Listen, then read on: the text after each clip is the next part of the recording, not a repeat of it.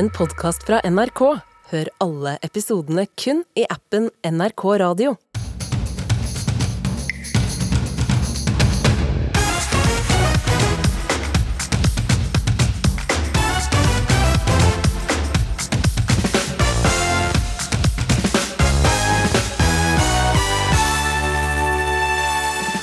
Norge har det laveste fødselstallet på 40 år. Teoriene om hvorfor er mange. Og så må det lages flere barnehager. Og så må kanskje folk som ikke liker å ha sex, ha sex. Tjene mer penger og lage mer barn. Stoler du på stemmer? Det må du slutte med. Nå kan kunstig intelligens få hvem som helst til å si hva som helst. Uh, why are the doors shut, Joe? Because I'm the imposter, you stupid fuck. I told you, fuck you, Sleepy Joe, and fuck you, Obama. Da 23 år gamle André kom ut av skapet som homofil, mistet han vennene sine. Og så sender jeg melding fra toppen til bunnen av hele kontaktlista, og så får jeg bare avvisning på avvisning på avvisning. Nå tester han nye tilbud for folk på vennejakt. Noen kjenner på vår, andre kjenner på vinter. Hjertelig velkommen er dere alle til ukeslutt. Jeg heter Knut Øyvind Hagen. Vi skal til stadion hvor mange legendariske idrettsøyeblikk har blitt skapt. Holmenkoll-eventyret begynte egentlig med denne mannen, pioneren Fritz Huitfeldt, som fant stedet for bakken på en skitur i 1890. Ja, det er et kjempehopp. Frå mister brakk staven. Brå brakk staven også! Nei, men la han få en annen stav, da! La han få en stav! Og her sørger Petter Northug for en perfekt avslutning på Oslo-VM. Han tar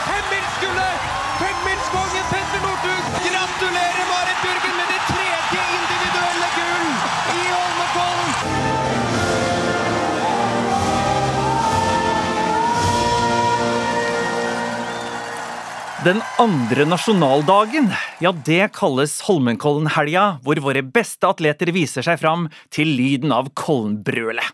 Nå pågår den aller største styrkeprøven, femmila, og ute ved stadion fylt med rojale bjeller og vikinghjelmer er du, reporter Morten Stenberg. Hvordan går rennet? Jo da, det er som du sier, dette er en ikonisk distanse 50 km i Holmenkollen. Og eh, dersom dere er inne på for de trenere og løpere fra, fra utlandet, de sammenligner det å gå i Kollen som Wimbledon i tennis. Så det er klart, dette er noe av det største. Og de norske løperne, de skuffer ikke det. Det ser ut til at eh, det blir norsk seier, og i øyeblikket så leder Simen Hekstad Krüger foran Hans Christer Holund og Iver Tildheim Andersen. Så dette blir rett og slett et Oslo-oppgjør om hvem som skal vinne Kollenfemila i 2023. Det er eh, to Blad Lyngutter mot en fra Rustad. Og så er det ikke bare det, fordi det er nordmenn på fjerde, femte, sjette, sjuende, åttende. Og så har vi Musgrave på niende, og så har vi nordmenn på tiende og ellevte. Så dette blir eh, så å si helnorsk. Og hva med festen? Oi, oi, oi. Det har vært fest her oppe i Holmenkollen i flere dager. De første var ute og satte opp teltene sine på torsdag. Jeg var oppe der senest i går kveld, og det strømmet til med folk da. Satte opp eh, telt eh, og lagde bål og koste seg. Men eh, det var også mye politifolk, det var mye sanitetsfolk.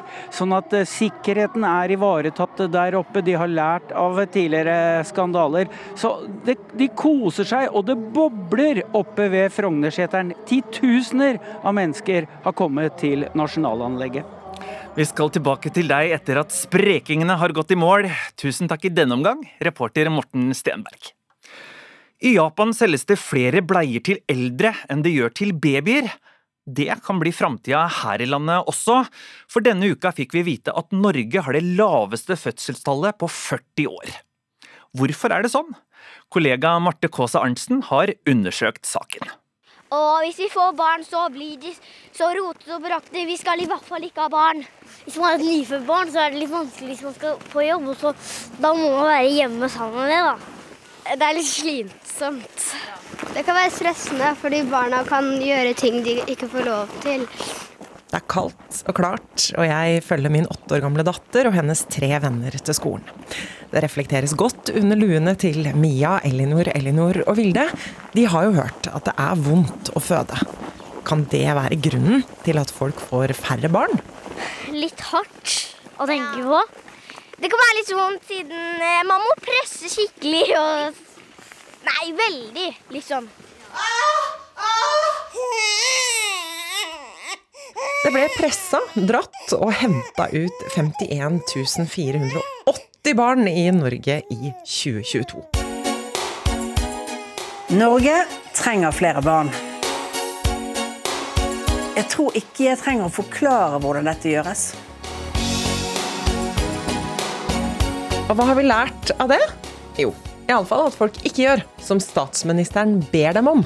For nordmenn har ikke ligget seg til flere barn etter at Erna Solberg ba dem om det i nyttårstalen sin i 2019. Barn er kilde til våre største gleder og våre største bekymringer. Hallo! Er det mulig å få ørens lyd her? Men det er klart. Ikke alle kan være som barne- og familieminister Kjersti Toppe heller. Hun har seks barn, og det krever en pragmatisk foreldrestil. Nei, var, vi var kanskje ikke så veldig opptatt av eh, at de kledde på seg nok klær. Og jeg sprang jo aldri etter ungene ute og passet på at de hadde på seg hue og votter og sånn. Det hadde jeg ikke kapasitet til, så jeg har et uttrykk om at vi fusker med stil. Vi gjorde bare det som var nødvendig, og, og eh, jeg har aldri laga liksom ulike middager til ungene fordi at ikke likte den ene middagen. Da får de heller ta seg en kjeve. Bare barn er barn, og den som har en barn, og den som står må telle først før han får se. Departementet til Toppe har gitt OECD i oppdrag å se nærmere på de lave fruktbarhetstallene. Hei! Det var, det var meg du var på jakt etter. Mens vi venter på det, besøker jeg Folkehelseinstituttet og fagdirektør ved Senter for fruktbarhet og helse, Per Magnus. Og han har noen teorier allerede nå. Og Det ene er de endringene i det vi kan kalle sosiale forhold som har vært de siste årene. At folk venter lenger med å prøve å få barn. At de gjør ferdig utdanning og kommer i et yrke og får et sted å bo og sånn, før de begynner å tenke på det. Og da er de ofte oppe i 30-årene. Det er en problemstilling som leder i Kvinnehelseutvalget, Kristine B. Meyer, kjenner godt igjen fra sin mye omtalte rapport som kom denne uka. Og det andre det er at eh, flere kvinner nå kan få barn eh, med litt hjelp eh, enn tidligere. Og det også er ofte litt kompliserte svangerskap. Så dette utfordrer jo veldig mye av fødetilbudet i Norge.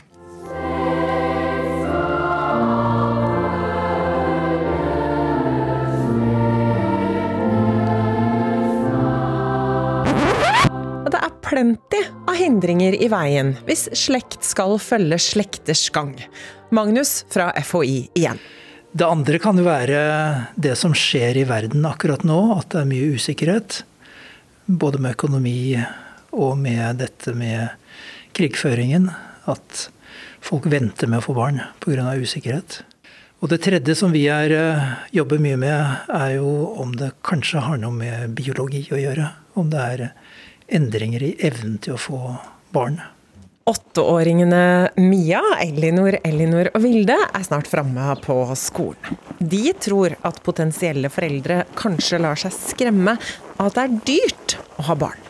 Men de vil allikevel på det varmeste anbefale det. Jeg, jeg tror det koster sånn rundt noe med hundre. Det koster litt penger å være i barnehage, så det koster litt mye. Å betale for barn når man skal ha bursdag på Rush, liksom. Siden det er veldig hyggelig å ha barn også, og da er man liksom ikke bare helt alene, liksom. Det er tid for å ta fram lusekammen, for denne helga oppfordrer FHI alle familier med barn i barnehage og skole om å delta i den nasjonale aksjonen mot hodelus. Vår reporter har snakka med små og store om lusenes mangfoldige verden. Jeg har hatt lus to ganger. Det var ikke gøy. Jeg måtte gå hjem fra skolen. Lusa går ikke bort for det. De, de fester seg fast. De er små og kan være svarte og oransje og brune og litt sånn. Det er ekkelt å tenke på at man har små kravlende dyr som kryper rundt oppi hodet. Det klør veldig. Jeg har fått mail om at nå er det lus i barnehagen. Det er jo en mail man får med jevne og ujevne mellomrom. Og da blir man jo oppfordret til å sjekke sitt barn, da, sånn for å hindre uh, utbrudd. Det forteller programleder i NRK, Live Nelvik. Ved Vitus apotek på Majorstua forklarer farmasøyt Stein Lorentzen Lund om hvor lett det er for barn og unge å bli smittet av lus. Det vi gjerne ser er at dette kommer etter ferier hvor barna er av gårde. De møter nye venner eller gamle venner, og så tar de med seg ting hjem, og så begynner dette å, å spres. Før så var det jo mye verre, da man måtte klippe håret av barna sine for å få, få stoppet det. Nå slipper vi heldigvis det, og de aller fleste behandles veldig effektivt og greit. Jeg har jo tre barn, og så har jeg alltid gått klar helt til eldstemann begynte på barneskolen. Der blir de skumleste barnesykdommer eh, avlet frem. Det var barnemark og lus og alt som var. Vær nøye med å sjekke barn for lus med lusekam, er oppfordringen fra skoler og barnehager. Men hvor lett er det egentlig å finne disse bitte små dyrene? Jeg har tatt turen til luseklinikken i Asker. Når man skal sjekke for lus, så lønner det seg å se først litt over tinningen og opp mot toppen. Og da leter man etter egg. For å finne lus, det kan ofte være en bonus. Skal vi prøve?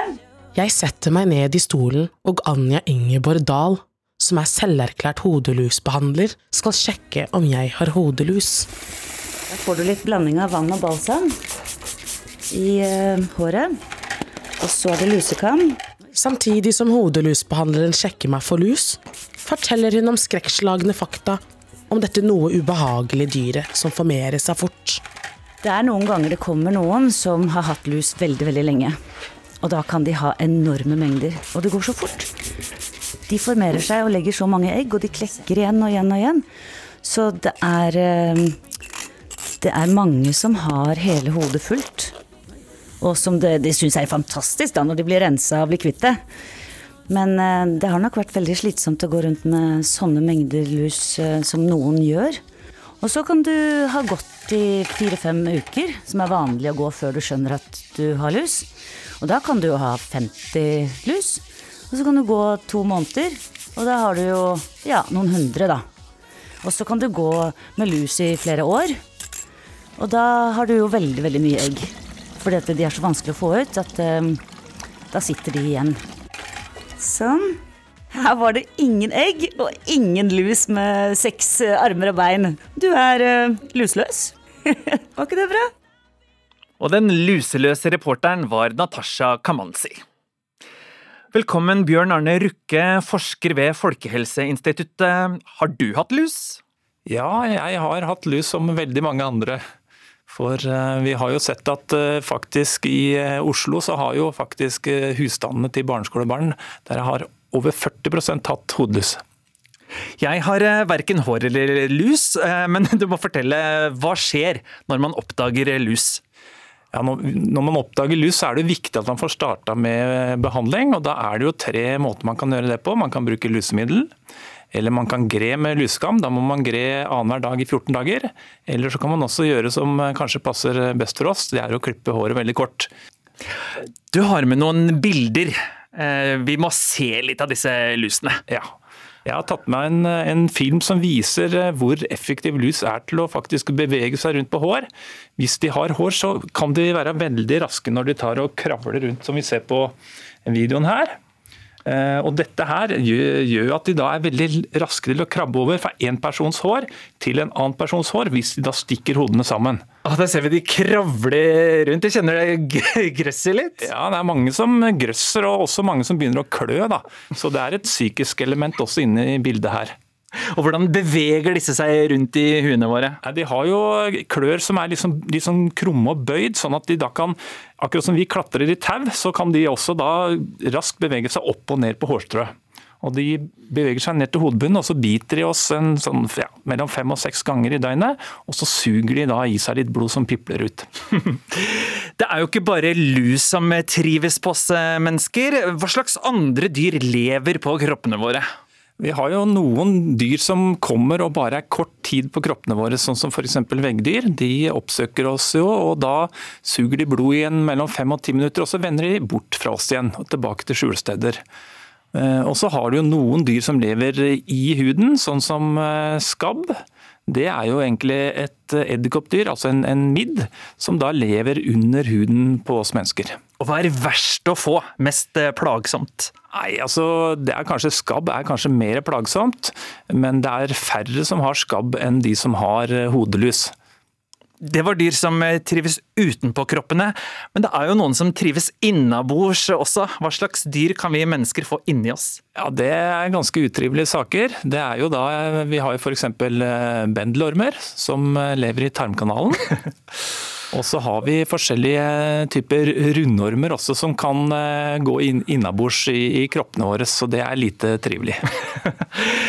Lopper og lus, skabb og blodigler, det har vi hørt om i generasjoner, men, men alt er vel ikke like vanlig i dag?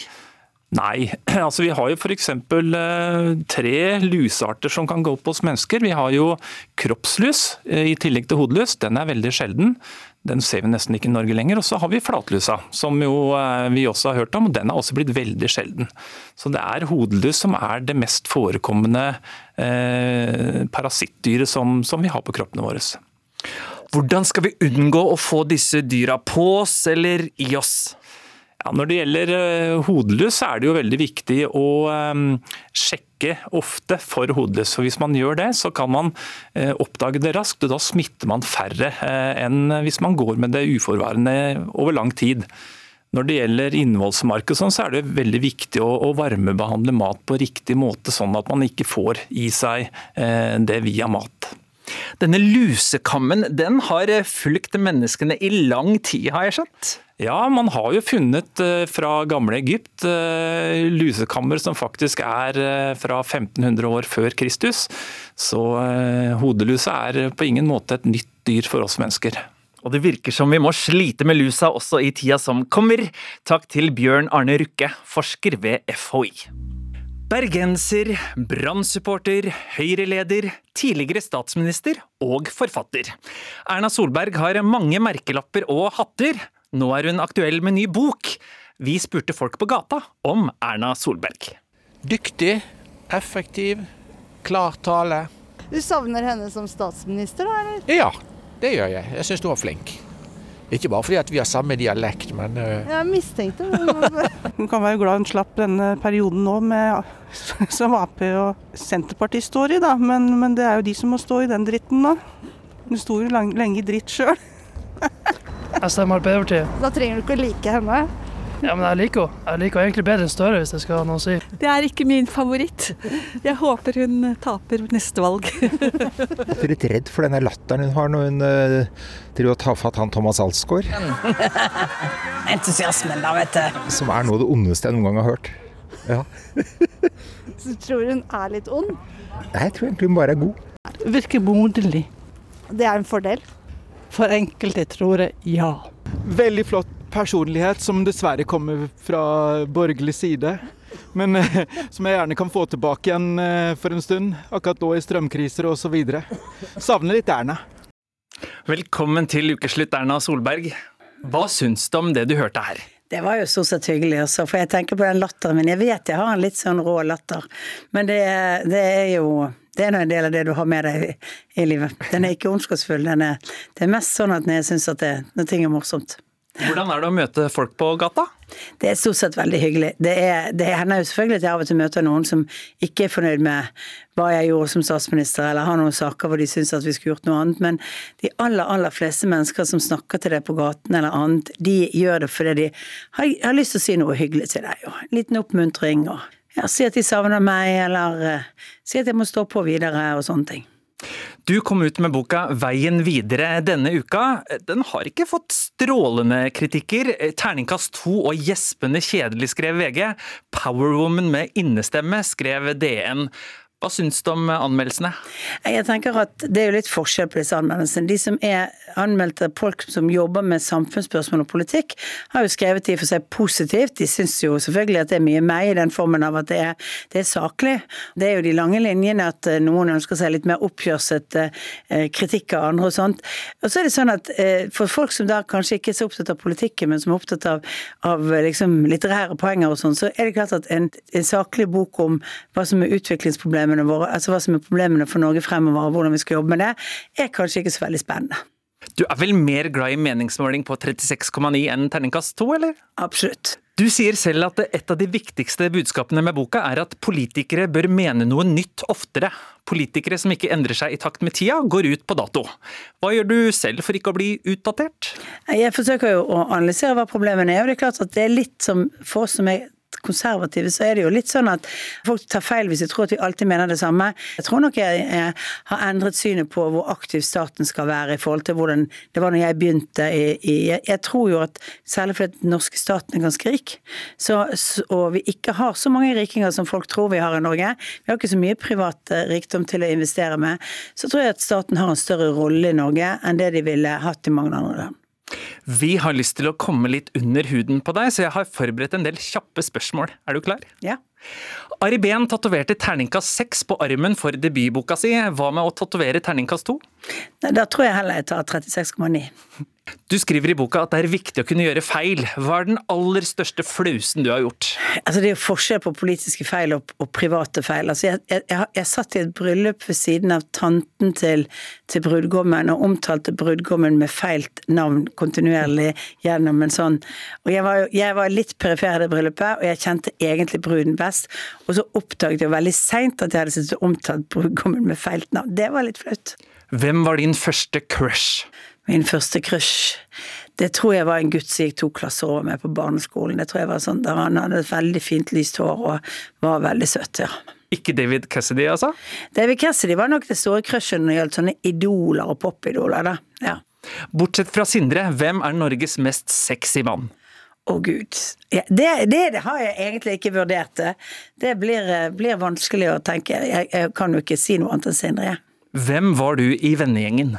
Jeg var jo den litt sånn pratsomme, og den som organiserte mest. Alltid nachspiel, eller aldri vorspiel? Eh, oftere nachspiel enn vorspiel. Er du hunde- eller kattemenneske? Hundemenneske. Xi ble gjenvalgt som leder i Kina i går. Misunner du han? Eh, nei, eh, jeg misunner ikke han. Jeg har ingen ambisjoner om å være autoritær. På hjemmebane, da? Er du diktator der? Nei, det er jeg ikke. Eh, det tror jeg alle som har vært hjemme hos oss vet, at, jeg, at der, eh, der, er det godt likestilt, eller kanskje av og til at Sindre bestemmer mest. Flere sier at boka di er kjedelig, og du blir ofte kalt flegmatisk. Mangler du temperament? Jeg er ikke spesielt temperamentsfull meg. Jeg er kanskje direkte og litt sånn høyrøstet som bergenser er, men jeg er verken spesielt hissig eller spesielt langsint, eller jeg har så voldsomt sånn sterkt temperament. Jeg tenker du skal vurdere litt før du, ja, før du er tydelig og sier ting. Hva er det deiligste med ikke å være statsminister? Det er å ha friheten til å gjøre ting mye mer spontant uten å ha med seg livvakter hengende på og et system som skal varsles og alt mulig annet. Og det at du vet at du eh, kan faktisk slå av telefonen fordi det ikke er sånn at det, at det er fare for at det brenner et sted. Og bortsett fra politisk makt, hva savner du ved å være statsminister? Jeg savner det fantastiske store hjelpeapparatet du hadde med av embetsfolk. Altså de som kunne fortelle deg om substansen i en sak på to sider eller fem minutter på kontoret ditt, som var de som er på statsministerens kontor, men også hele resten av det embetsverket. Vi har fantastisk dyktige folk som jobber i staten i Norge. Til slutt, du har jo fått terningkast på boka di. Hva slags terningkast vil du gi dette intervjuet? Eh, fem pluss? Ja. ja. Det, det, jeg tenker er at uh, det, var, det, var, kjapt og direkte, og eh, lot meg komme unna med de eh, bortsnakkingene jeg trengte. Tusen takk for at du var med i Ukeslutt, og lykke til på veien videre, Erna Solberg. Takk skal du ha. Vi skal tilbake til Holmenkollen, for vinneren av den tradisjonsrike femmila er kåret, og han står sammen med deg, reporter Morten Stenberg. Han eh, står sammen med meg, og han har vært oppe hos kongen og snakka med kongen. Simen Hekstad Krüger, hva prata dere om? Nei, vi pratet jo om løpet. Jeg tror kongen også hadde koste seg i Holmenkollen i dag, så det var, det var veldig hyggelig å få hilse på han. Og ja, eh, stort for, eh, stort for meg som er oppvokst i løypen her, å vinne Kollen-femmila, det, det er noe spesielt over den her. Så ut som du koste deg uti der òg. Jeg gjorde det. Jeg, det, var, eh, det var en eh, perfekt dag, egentlig. Og ja, jeg og Hans Christer eh, gjør, litt an, gjør en litt annerledes valg enn resten av konkurrentene på skibyttet der. Og, da, og når, vi, når vi går inn og bytter der, så er egentlig eh, kortene spilt ut. Og da må vi bare, ba, bare stå for eh, den planen der og gå all in for den. Og i dag funker det, og det er veldig, veldig moro. For uh, lytterne kan jeg fortelle at Simen Ekstad Krüger vinner foran Hans Christer Holund med Martin Løvstrøm Nyenge på en tredjeplass. Iver Tillheim Andersen på fjerde, og uh, så ble det Didrik Tønseth på femte. Det ble tidobbelt dette, Simen? Ja, det var voldsomt. Det, det var det, altså. Så bra. Meget god, god norsk innsats, får vi si. Og så har vi var det vel et par, par utlendinger som vi mangla på start i dag. Men uh, uavhengig av det, så var det her um, var det veldig gøy for å, å, å, å, krone en veldig god sesong med, med femmilsseier her. Så ser det ut til at du og Hans Christer Olund har lagt en slagplan på kammerset. Fordi at dere går inn før de andre bytter ski, og der tar dere vel seieren? Ja, vi hadde jo så vidt diskutert det på forhånd at kanskje kan være lurt å bytte, bytte ski halvveis. Eh, og jeg visste jo ikke hva de andre hadde planer om, men eh, når vi, når vi først gjør det, så må vi, må vi iallfall benytte, benytte det at vi har litt friskere ski på, på, den runden vi tar igjen, og allerede sette opp høy fart med en gang. og Da, da er det ikke noe å vente på, da må vi bare, bare gå. og det, det, gjorde vi i dag, og det, det, det lyktes vi med. Det sier altså Simen Heksa Krüger. Han har vunnet alt han har gått i det siste. Han vant tre VM-gull, ble vraka til femmila i eh, VM, slår tilbake og vinner sin aller første femmil her i Holmenkollen. Hvor det begynner å skye til litt og det kommer litt snø i lufta. Men eh, publikum de går ikke hjem, for det er en eh, full fest utover dagen her med kombinert langrenn og med hopprenn og vi gratulerer så mye med hjemmeseier. For aller første gang skal damene ut og gå femmil i morgen. Er det en god eller dårlig idé? Vi kjører debatt senere i sendinga. Vi knuser svenskene i så mangt. Langrenn, kvinnehåndball, rikdom, fineste fjorder, høyeste fjell og dypeste daler. Men på ett felt gruser de oss nesten hvert eneste år. Bare hør her.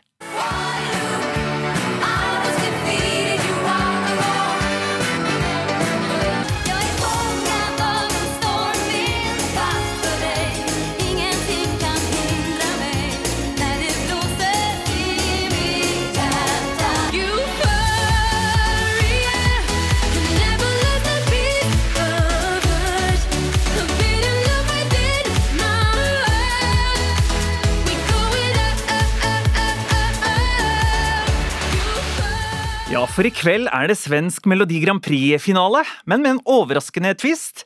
En av deltakerne i år er nemlig norske, Marcus og Martinus.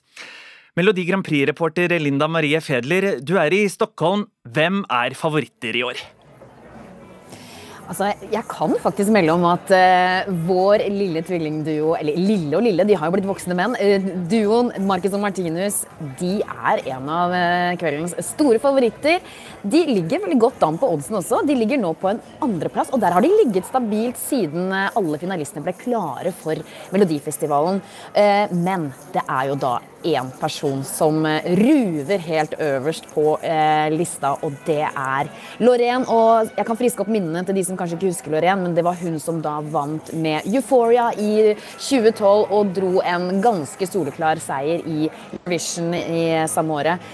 Men Marcus og Martinus de, eh, som sagt, de liker jo godt an. Og jeg har snakket med flere kjennere og reportere, svenske reportere og eksperter på eh, Melodi Grand Prix og Eurovision, og de sier at dette her er en ganske solid låt. Den er moderne. Marcus Martinus har jo da eh, vokst fra å liksom levere eh, barnepop til ja, ung mann, uh, unge mannspop, hvis det er lov å si. Men dette her er, kan gå bra, fordi mange tror at det kommer til å rulle inn noen stemmer til uh, brødreparet. Eh, og vi var jo da på generalprøven i går i Friends Arena i Stockholm og fikk se det som da kalles for genrep her, med masse publikum til stede og mange fans.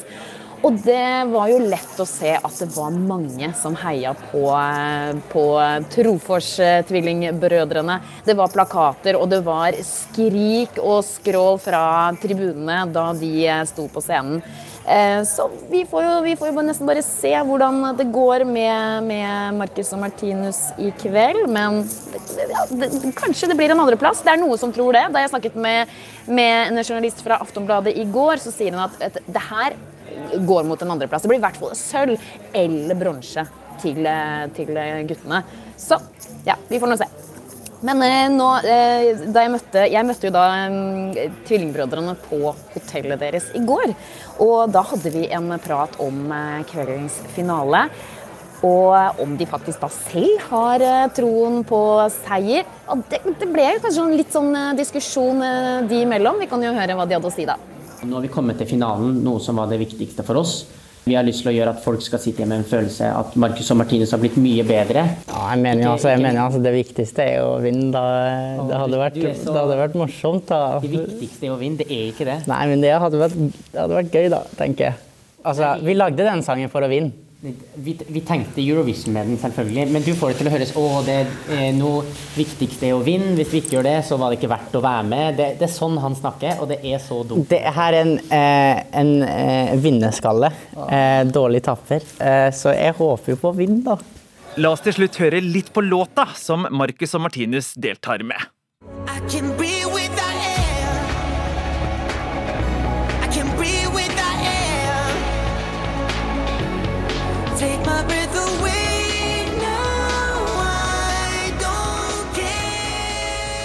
Vi håper på 12 points og 12 points til Marcus og Martinus. Tror du at du kan stole på lyd? Da må du tro om igjen. Ny kunstig intelligensteknologi, som bare er noen uker fra å være tilgjengelig for alle, kan få hvem som helst til å si hva som helst. AI revolution, voice cloning, ChatGPT, 11 Labs, voice generation. Kunstig intelligens, eller KI, er et buzzord som du sikkert har hørt veldig mye om i det siste. Og nå har maskiner kommet så langt at de nesten feilfritt kan imitere alle verdens stemmer. I'm sorry, Donald, I'm gonna have to trust Joe on this one. Are you fucking serious? Are you stupid? We've lost now because of you. På TikTok kan du blant annet høre tidligere amerikanske presidenter game det populære spillet Among us sammen, med litt voldsom ordbruk. Uh, why are the doors shut, Joe? Because I'm the imposter, you stupid fuck. I told you, fuck you, Sleepy Joe, and fuck you, Obama. Undertegnede reporter kan berolige med at det ikke faktisk er Trump Obama og Biden som står bak denne banninga. Og snart kan hvem som helst etterligne hvem som helst. ChatGPT, Eleven Labs og Voice AI. Også vi i NRK Radio har prøvd oss på denne rykende ferske, sannhetsvrengende teknologien, med en viss Fredrik Solvang i spissen. I, I may sound kinda like Fredrik Solvang here, but I'm not real. Jeg kan høres ut som Fredrik Solvang, men jeg er ikke ekte. Affirmative, Dave. I read you. Om du er som meg, så går kanskje hjernen din med en gang litt inn i det dystopiske hjørnet. I'm sorry, Dave. I'm afraid I can't do that. For hvor lett kommer det egentlig til å bli å lure ut penger fra folk, og hvor lett kan man forfalske uttalelser fra viktige politikere, statsledere eller andre mennesker?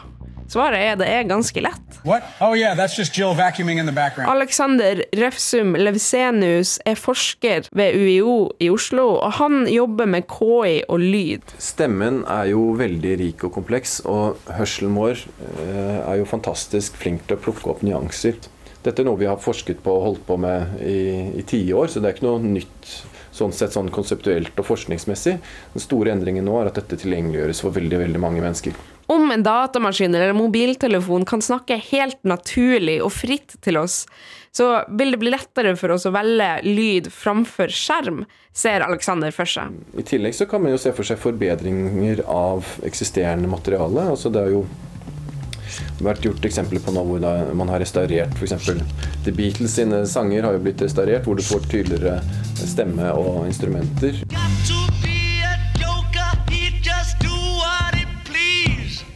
For å forstå KI mer vil jeg snakke med Vidar Grande, lyddesigner og ekte person som jobber med falske stemmer. Heia. Hei sann. Ha det. Ingrid. Vidar. Hyggelig. I det sekundet jeg går inn i det sorte studioet til Vidar, så merker jeg at all bakgrunnslyd forsvinner. Logg inn på nytt. I en programvare så har han mata inn 30 sekunder med sin egen stemme. Og for at intelligensen skal være ordentlig kunstig, så spør han en chattetjeneste, ChatGPT, om å skrive noen ord som stemmen kan lese opp. Roboten høres akkurat ut som Vidar, og denne lydmagikeren har bare så vidt begynt å trylle. Kan vi gjøre noe tweaking live, liksom? Ja, skal vi se. Vidar finner fram magien, retter på mikrofonen og børster støv av tryllestaven i studio, før han klikker seg inn og finner ut nøyaktig hva han skal si. At, uh, dette er en NRK-reportasje om KI. Dette er en NRK-reportasje om KI. Dette er en NRK-reportasje om KI. NRK-reportasje om Dette er en NRK-reportasje om KI. Til nå har de bare brukt KI for å legge ord i munnen på bakgrunnskarakterer. Men Ved hjelp av disse verktøyene så kan vi også klone skuespillere. Klone stemmen deres, og så bare spille inn noe dialog selv og få de til å si det. Eh, Men der tenker jeg at det, det kan vi ikke gjøre sånn rent etisk. jeg har tatt turen til scenen. Å tape fem euro hvis vi vinner 100 000, det, det ser da sant ut. Gjør det ikke det? Dette er Emil Johnsen. I kveld er han skuespiller ved Det Norske Teatret. Hvordan kan jeg få sagt det her Etter å ha hatt sin monologforestilling, treffer jeg han i gangen for å reflektere rundt kunstig intelligens. Det høres egentlig grusomt ut, for da kan man liksom si sånn Jeg har gjort et opptak hvor du tilstår et mord. Det er alltid et eller annet nek som forsker på et eller annet tull som ikke gjør livet bedre for noen. Johnsen er visst ikke helt solgt. Nei, det der syns jeg ikke høres ut som noe bra idé i det hele tatt. Å si om KI kommer til å ta over, er vanskelig. Men enn så lenge så får han fortsatt stå på scenen med sin egen stemme. Reporter var Ingrid Karoline Karlsen. Kina har i dag fått en ny statsminister. Folkekongressen i Beijing pekte ut Li Qiang, som er en av president Xi Jinpings mest lojale politiske allierte. Og i går ble det klart at for første gang siden Mao går en kinesisk president på sin tredje periode. Det skjedde da Xi Jinping ble gjenvalgt. Eller eh, Marte Kjær Galtung, sosialantropolog og kinakjenner, som nå jobber ved Etterretningsskolen. Kan det egentlig kalles et valg? Nei, det som skjedde i går var en formalitet. Ehm, Det er egentlig fem år siden det ble bestemt at Xi skulle ta en tredje periode. fordi at da ble den loven som sa at man bare kunne sitte i to perioder, opphevet. Så da skjønte vi egentlig at Xi kom til å ta eh, et skift til. Eh, Så det var jo ikke akkurat en valgthriller det som var i går. Under avstemningen i går så dro vår Beijing-korrespondent Philip Lote en tur i parken.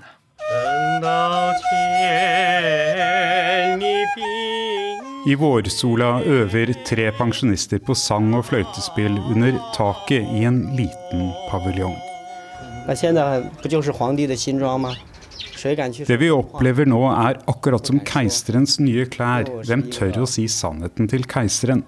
I politikken burde det ikke bare være én stemme, ikke én person som bestemmer alt. I et ekte demokrati bør mange ulike stemmer bli hørt, sier den litt eldre hobbysangeren. Han er en dannet mann, pen i tøyet, med et tørkle i halsen. Han vil helst ikke at vi skal bruke navnet hans. Det er en nesten helt vanlig formiddag i parken, hvor folk kommer sammen for å spasere, jogge eller dyrke fritidssysler.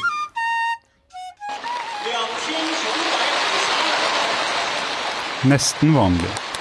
For noen få kilometer unna, akkurat samtidig, i folkets store sal har nesten 3000 nøye håndplukkede delegater til Kinas folkekongress enstemmig valgt Kinas øverste leder Xi Jinping til leder for tredje gang. Xi sverger troskap til Grunnloven, lover å tjene partiet og folket. Dette er et øyeblikk Xi har jobbet mot i flere år. Ikke siden formann Mao har Kina hatt en mektigere leder.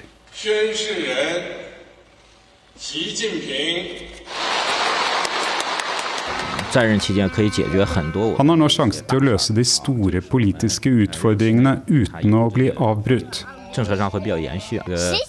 Chu er pappa til tvillinger. De to guttene hans klatrer på ryggen hans mens han prater med oss. Ved et lite vann i parken sitter Duen, en kvinne i 20-årene. Xis grep på makten skjer i en urolig tid. Andre land er ikke vennlige mot oss, føler jeg. De har et dårlig inntrykk av oss. Det er det jeg ser når jeg går på internett.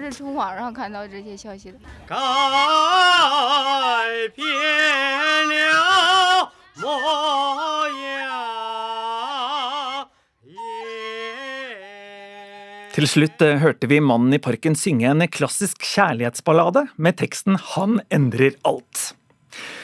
Marte Kjær Galtung, du har skrevet flere bøker om Kina og om president eh, Xi Jinping. Ingen leder siden formann Mao har hatt mer makt i Kina enn det han nå har eh, sikret seg. Hva er likheten mellom Mao og Xi Jinping? Ja, de to har en del likheter når det gjelder lederstil. Og eh, kanskje, kanskje, særlig de personkultene eh, rundt dem.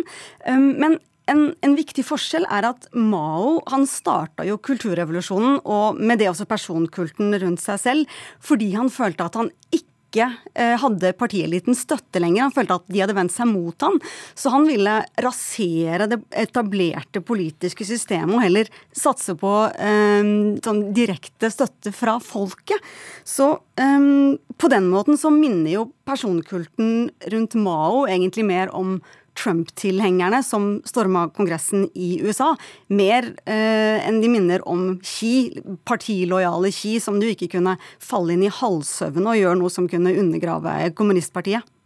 Hva med Maas mer dekadente sider? Fyll, damer og misbruk av mennesker. Har Xi noe av dette ved seg? Du, jeg tror det er dårlig med det hos Xi. Altså, så det, det, er nok nok en forskjell mellom han og Mao, da.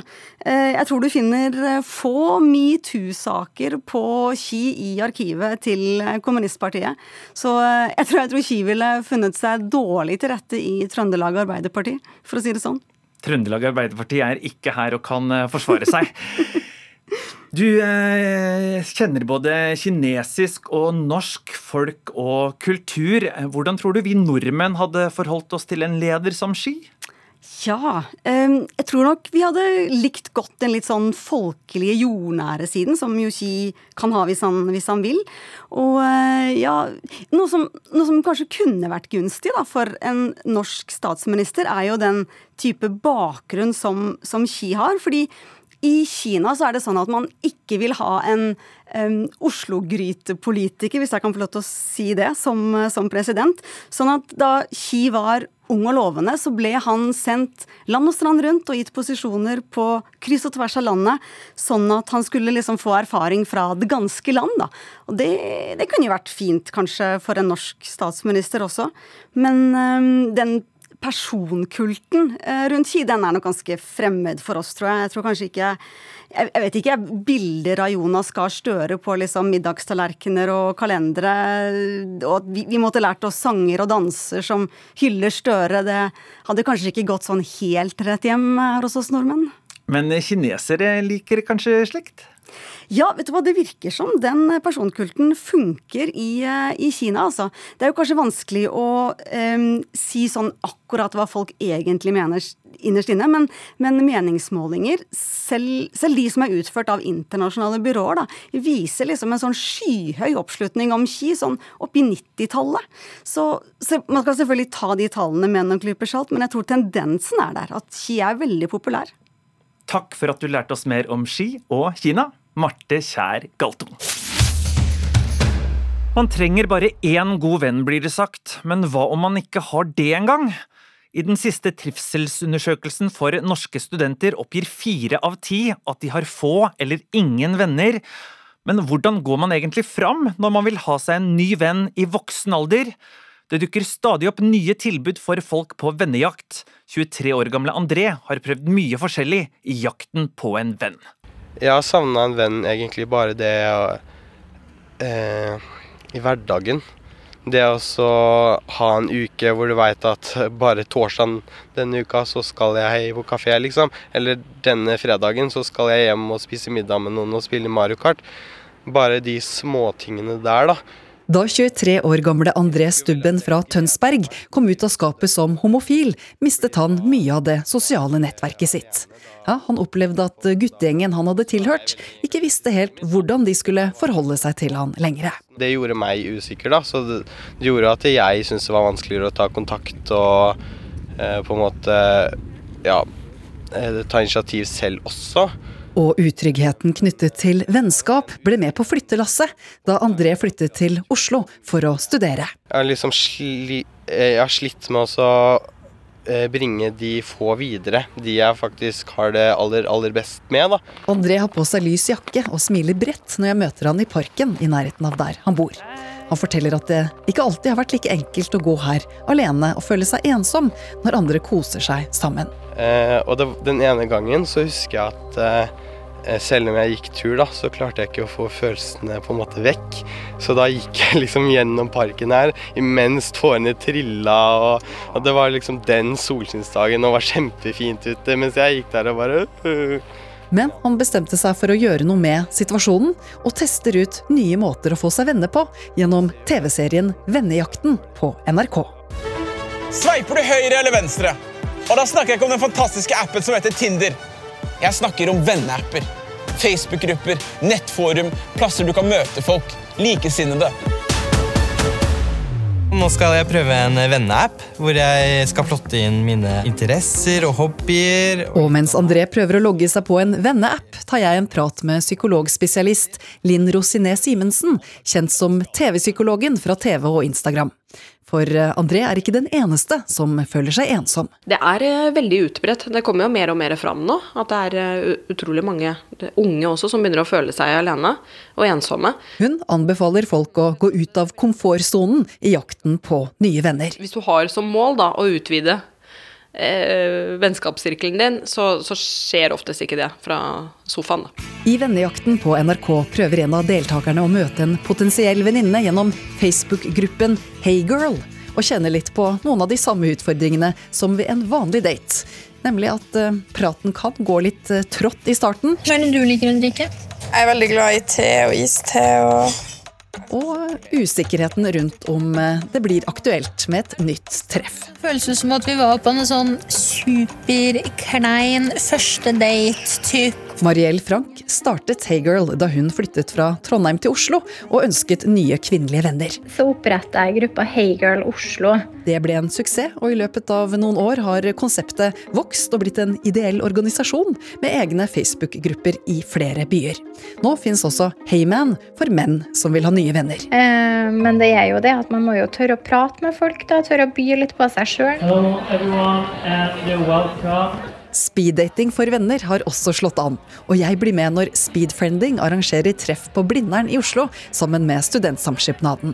Her står det lange bord med mange stoler rundt, og folk nærmer seg forsiktig én og én. Men jeg var nysgjerrig. Her er det flere som er spente. Ja, om det bare er en eh, morsom eller klein opplevelse for den saks skyld, så Daglig leder i Speedfriending, Viktor Sanden, forteller at folk nå skal flytte seg rundt og svare på ulike spørsmål for å få i gang samtalen. Og det har vist seg at eh, mange møtes igjen etter dette. Over 60% møtes igjen innen det har gått en uke. Så det er kjempehyggelige tall. Jeg møter en student fra Jordan som har lært seg norsk på et år. Ja, hvorfor ikke bli kjent med en ny kultur? En student fra Tyskland som kan svensk. Men nå blander jeg veldig mye norsk med svensk. Ja, svorsk heter det. Ja. ja. Her knytter folk kontakt i alle retninger. Vi har ikke brukt spørsmålet så mye, tror jeg. Nei, det har gått fint. Det har vært uh, ikke så vanskelig som jeg kanskje hadde frykta. Uh. Men er det liksom noen av de du har snakka med som tenker, du tenker kanskje dette er en potensiell ny venn? Ja, Ja, egentlig alle. Ja, ja.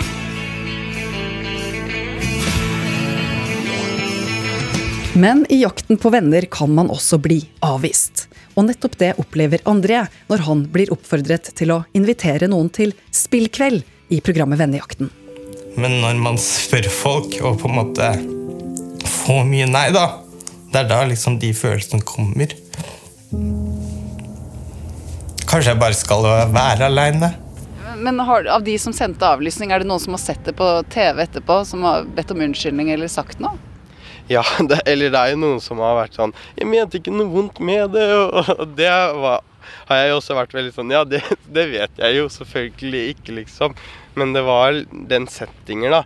Og men det er derfor jeg tenker også at folk kan være litt mer vare på hvordan de gir en avvisning. At det trenger ikke bare være nei. Psykologspesialist Linn Rosiné Simensen har råd om hvordan man kan jobbe seg videre etter en avvisning. Så er det greit å liksom føle litt på det, men også ta litt distanse fra det da, når det går litt tid, og tenke at det handler jo ikke alltid om en selv. Hennes beste tips når det gjelder å få nye venner, er å gå etter kvalitet og ikke kvantitet.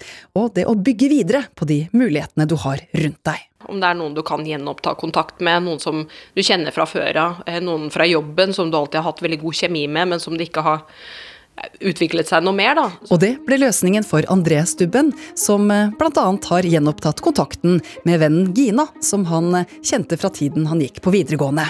På en fest sitter de på verandaen og snakker ut. Herregud, jeg føler jeg selvfølgelig inviterer André. André er en del av crewet, liksom. Eh, og jeg føler absolutt at eh, jeg fant det jeg leter etter. Jeg så jo primært etter en jeg føler jeg kan være meg selv rundt, og eh, som jeg kan ha helt sånn psykologisk trygghet rundt. Og det føler jeg kan med Gina. Jeg kan liksom tulle og være skikkelig rar uten at hun er sånn oi. Nå håper André at han kan inspirere flere til å prøve å få seg nye venner. Det er helt naturlig å tenke at det er skummelt, fordi det er det. Men det går bra. Reporter i Venners verden var Line Forsmo. For the for the woman, uh, I think it's I'm or not. I think I'm sure it's a, it's a wrong way. Markus Kramer, trener for Italias landslag i langrenn, liker ikke at kvinnelige utøvere denne helga er likestilt med menn i verdens tøffeste femmil, nemlig den i Holmenkollen.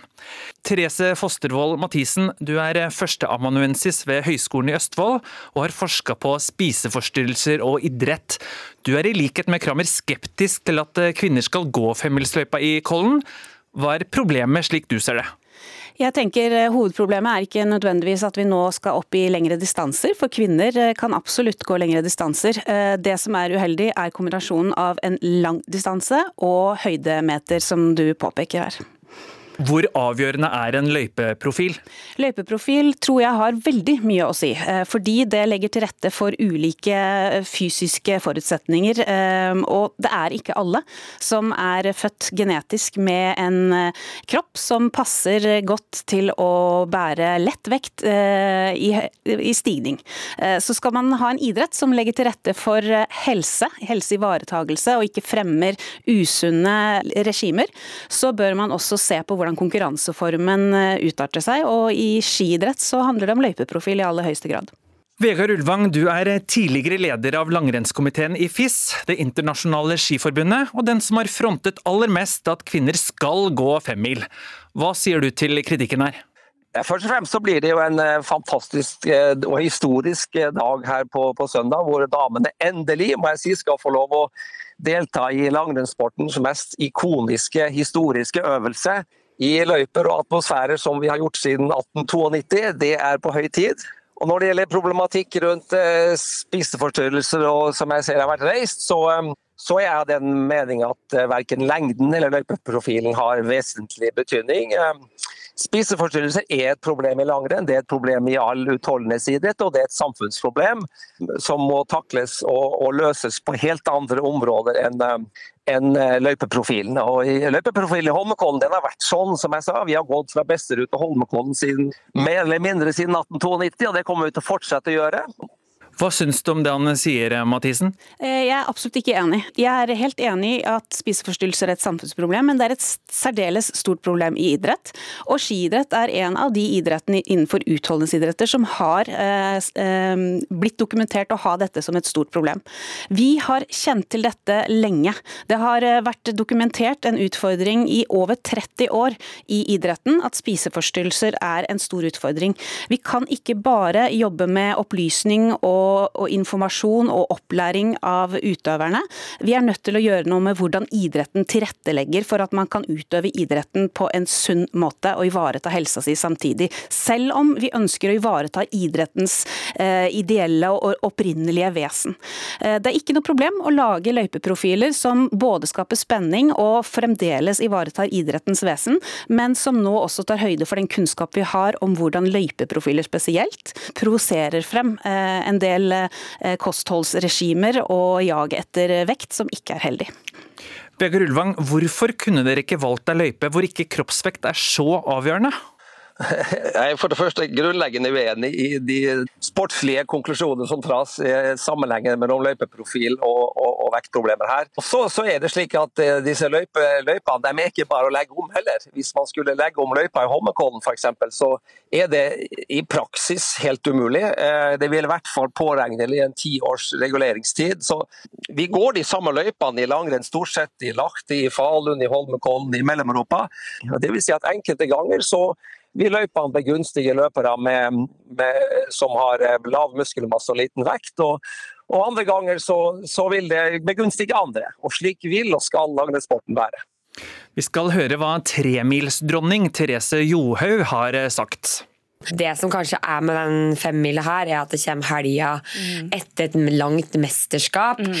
Eh, og de gikk en tre- og femmil forrige helg. De går inn i tøft konkurranseprogram i de neste helgene. Så det er kanskje mer plasseringa av den helga her som, som jeg ser på kanskje må endres. da.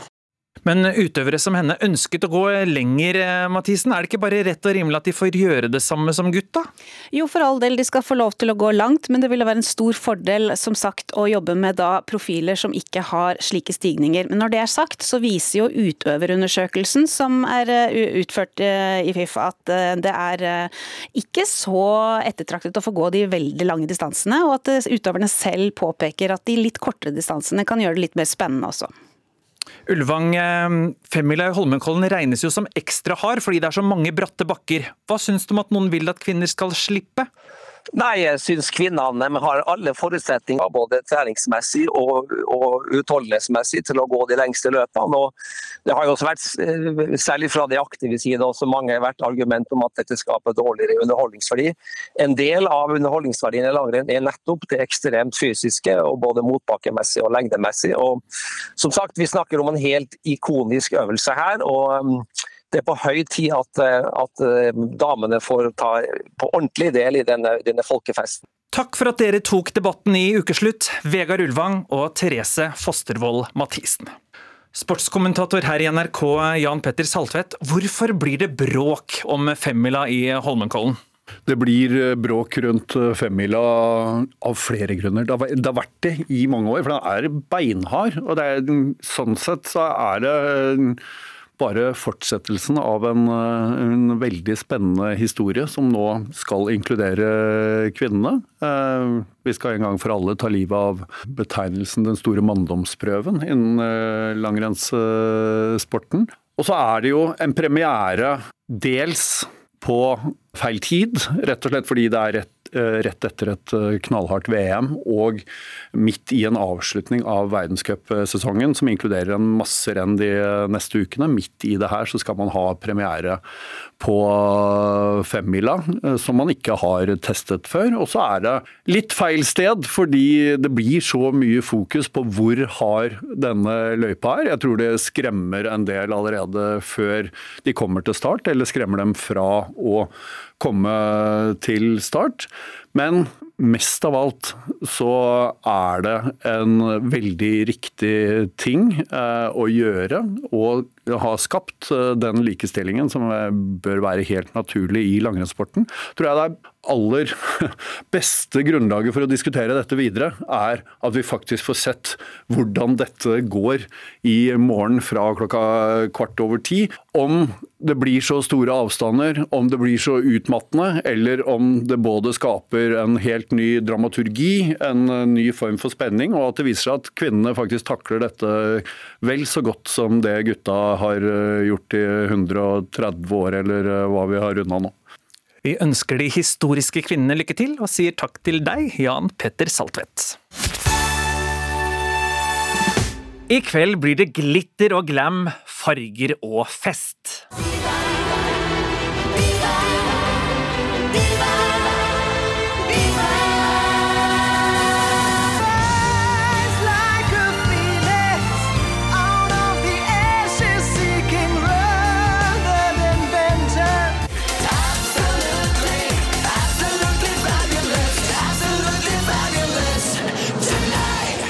Ja, for Regnbuegalla går av stabelen på Chateau Neuf i Oslo. Det blir rød løper, kjendiser, priser og heder til de som slår et slag for homofile og transpersoners liv og rettigheter. Programleder og journalist i NRK, Noman Mobashir, du er vert for gallaen. Hvordan er det å få lede dette? Å, jeg gleder meg veldig. Det er en stor ære. Og så føler jeg litt at jeg har, jeg har vært gjennom en sånn personlig reise nå i mange år, hvor jeg gikk, har gått fra å være veldig inne i skapet, ikke ville fortelle noen at jeg er skeiv, til at jeg har sant, begynt å dele det mer og mer med venner, kolleger, familie. Og så tok jeg liksom det store steget ut uh, i 2016, da kongen holdt denne sant, berømte talen ja. sin, uh, som var så fantastisk inkluderende. og Det var liksom triggeren i livet mitt. Og det følte at jeg kom ut av skapet sånn offentlig. Og så ender det nå opp med at jeg skal faktisk få lov til å lede Regnbuegallaen, og det betyr mye for meg. Vi har også med oss deg, lege, sexolog og profilert transperson Espen Ester Pirelli Benestad.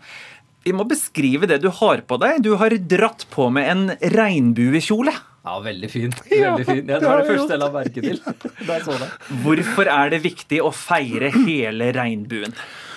Jo, for at alle skal forstå at vi alle er en del av regnbuen.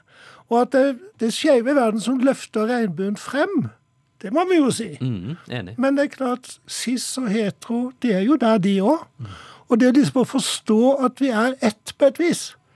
Eh, og at det er ikke noen grunn til å være redde for hverandre, det syns jeg er veldig viktig. Mm. Mm. Dere byr opp til glamour, show, liv og latter. Men det blir vel også en solid dose alvor? Det gjør det. Eh, dessverre, vil jeg si, på et vis. Eh, I fjor, 25.6.2022, ja. så smalt det i Oslo sentrum. Eh, det var jo en mann som begynte å skyte rundt seg. Eh, og mot London pub, hvor eh, to mennesker ble drept og mange mange ble skadet. Og Det skal vi snakke om i kveld. Eh, vi skal faktisk eh, hylle fire av de personene som kastet seg over, heroisk, over gjerningsmannen og klarte å stoppe stoppa han fra å drepe enda flere. Eh, så de må vi ikke glemme. Vi må ikke glemme det som skjedde i fjor, samtidig som vi også skal se fremover. Og jeg tror denne, denne kvelden er veldig viktig, for at det er veldig mange skeive som har vært litt sånn lei seg det siste året. Det har vært et vanskelig år. Folk har vært traumatisert. Men i kveld skal vi kose oss også. Arrangøren har jo et samarbeid med politiet, og mm. skeive har jo vært et terrormål. Føler du på redsel selv? Ja, så måtte jo være løgnaktig med å si at det gjør jeg ikke. Nei, jeg gjør det. Og, og, nå har jeg vært på scenen mange ganger og vært Jesus himmelens dronning. Og jeg må jo si jeg har en tanke hver gang om at nå står jeg der som et levende målskive. Så jeg klart jeg tenker på det. Og så tenker jeg Men jeg kan ikke la det være. Ja, jeg, jeg, tenker at det er fint at man ikke glemmer det. At man alltid har det der i, i bakhodet. At noe kan skje. Eh, samtidig som vi skal leve, og vi skal være stolte av oss selv, og vi skal eh, tørre å feire eh, oss selv og regnbuefamilien også. Og så har det vært veldig hyggelig med det politiet som har vært og passa på meg, ja. i alle fall. For de smiler og passer ja. på meg, og liksom syns det har vært veldig fint. Hvordan er det å være nominert til to priser? Årets underholdning og Årets stå-på-person? Ja, nei, det er jo fantastisk. Det må jeg jo si. Så eh, jeg blir jo veldig glad, rett og slett. Og så, får vi, så blir det kjempespennende å se hvordan det går. Ja, det og så har jeg lært det at alle som er nominert for et eller annet, de sier at det viktigste er å bli nominert. Ja, det er det så man sier det viktigste er å bli nominert. Selvfølgelig, men samtidig som du har lyst til å vinne. Bare innrøm det. Det er gøy. Jeg vet jo hvem som vinner. Ja, Men jeg kan ikke si noe her. Nei, det kan du ikke. Hvordan håper dere at denne kvelden skal eh, utspille seg? Åh, jeg håper det blir en fest. Jeg håper at alle som kommer, har det gøy, og at det blir en kjempestemning i salen. Eh, det, og det trenger vi også, som skal lede. Eh, og så kommer det helt fantastiske artikser, ja, artister. Skrellex, Anita Skorgan, Wenche Myhre, Bobby Socks. Eh, mange, mange andre. Jeg kommer ikke på alle nå. Eh, jeg gleder meg veldig. Det blir perler. Ja. Det blir glitter ut av munnen. Ja. Og så er det et svært alvor i bunnen. Og måtte regnbuen få glitre i all sin fargeprakt. Takk for at dere kom til ukeslutt, Noman Mobashir og Espen Ester Pirelli Benestad. Da var det blitt tid for sluttreplikken. To timer er fløyet, kringkastet og sendt. Ragnhild Bjørlikke var den som sto for teknikken. Kari Ørstavik var dagens produsent. Husk å finne fram lusekammen. Helgen er kort, så grip hvert minutt. Knut Øyvind Hagen sier god helg til alle sammen, og tusen takk for at du hørte på Ukeslutt. Du har hørt en podkast fra NRK. Hør alle episodene kun i appen NRK Radio.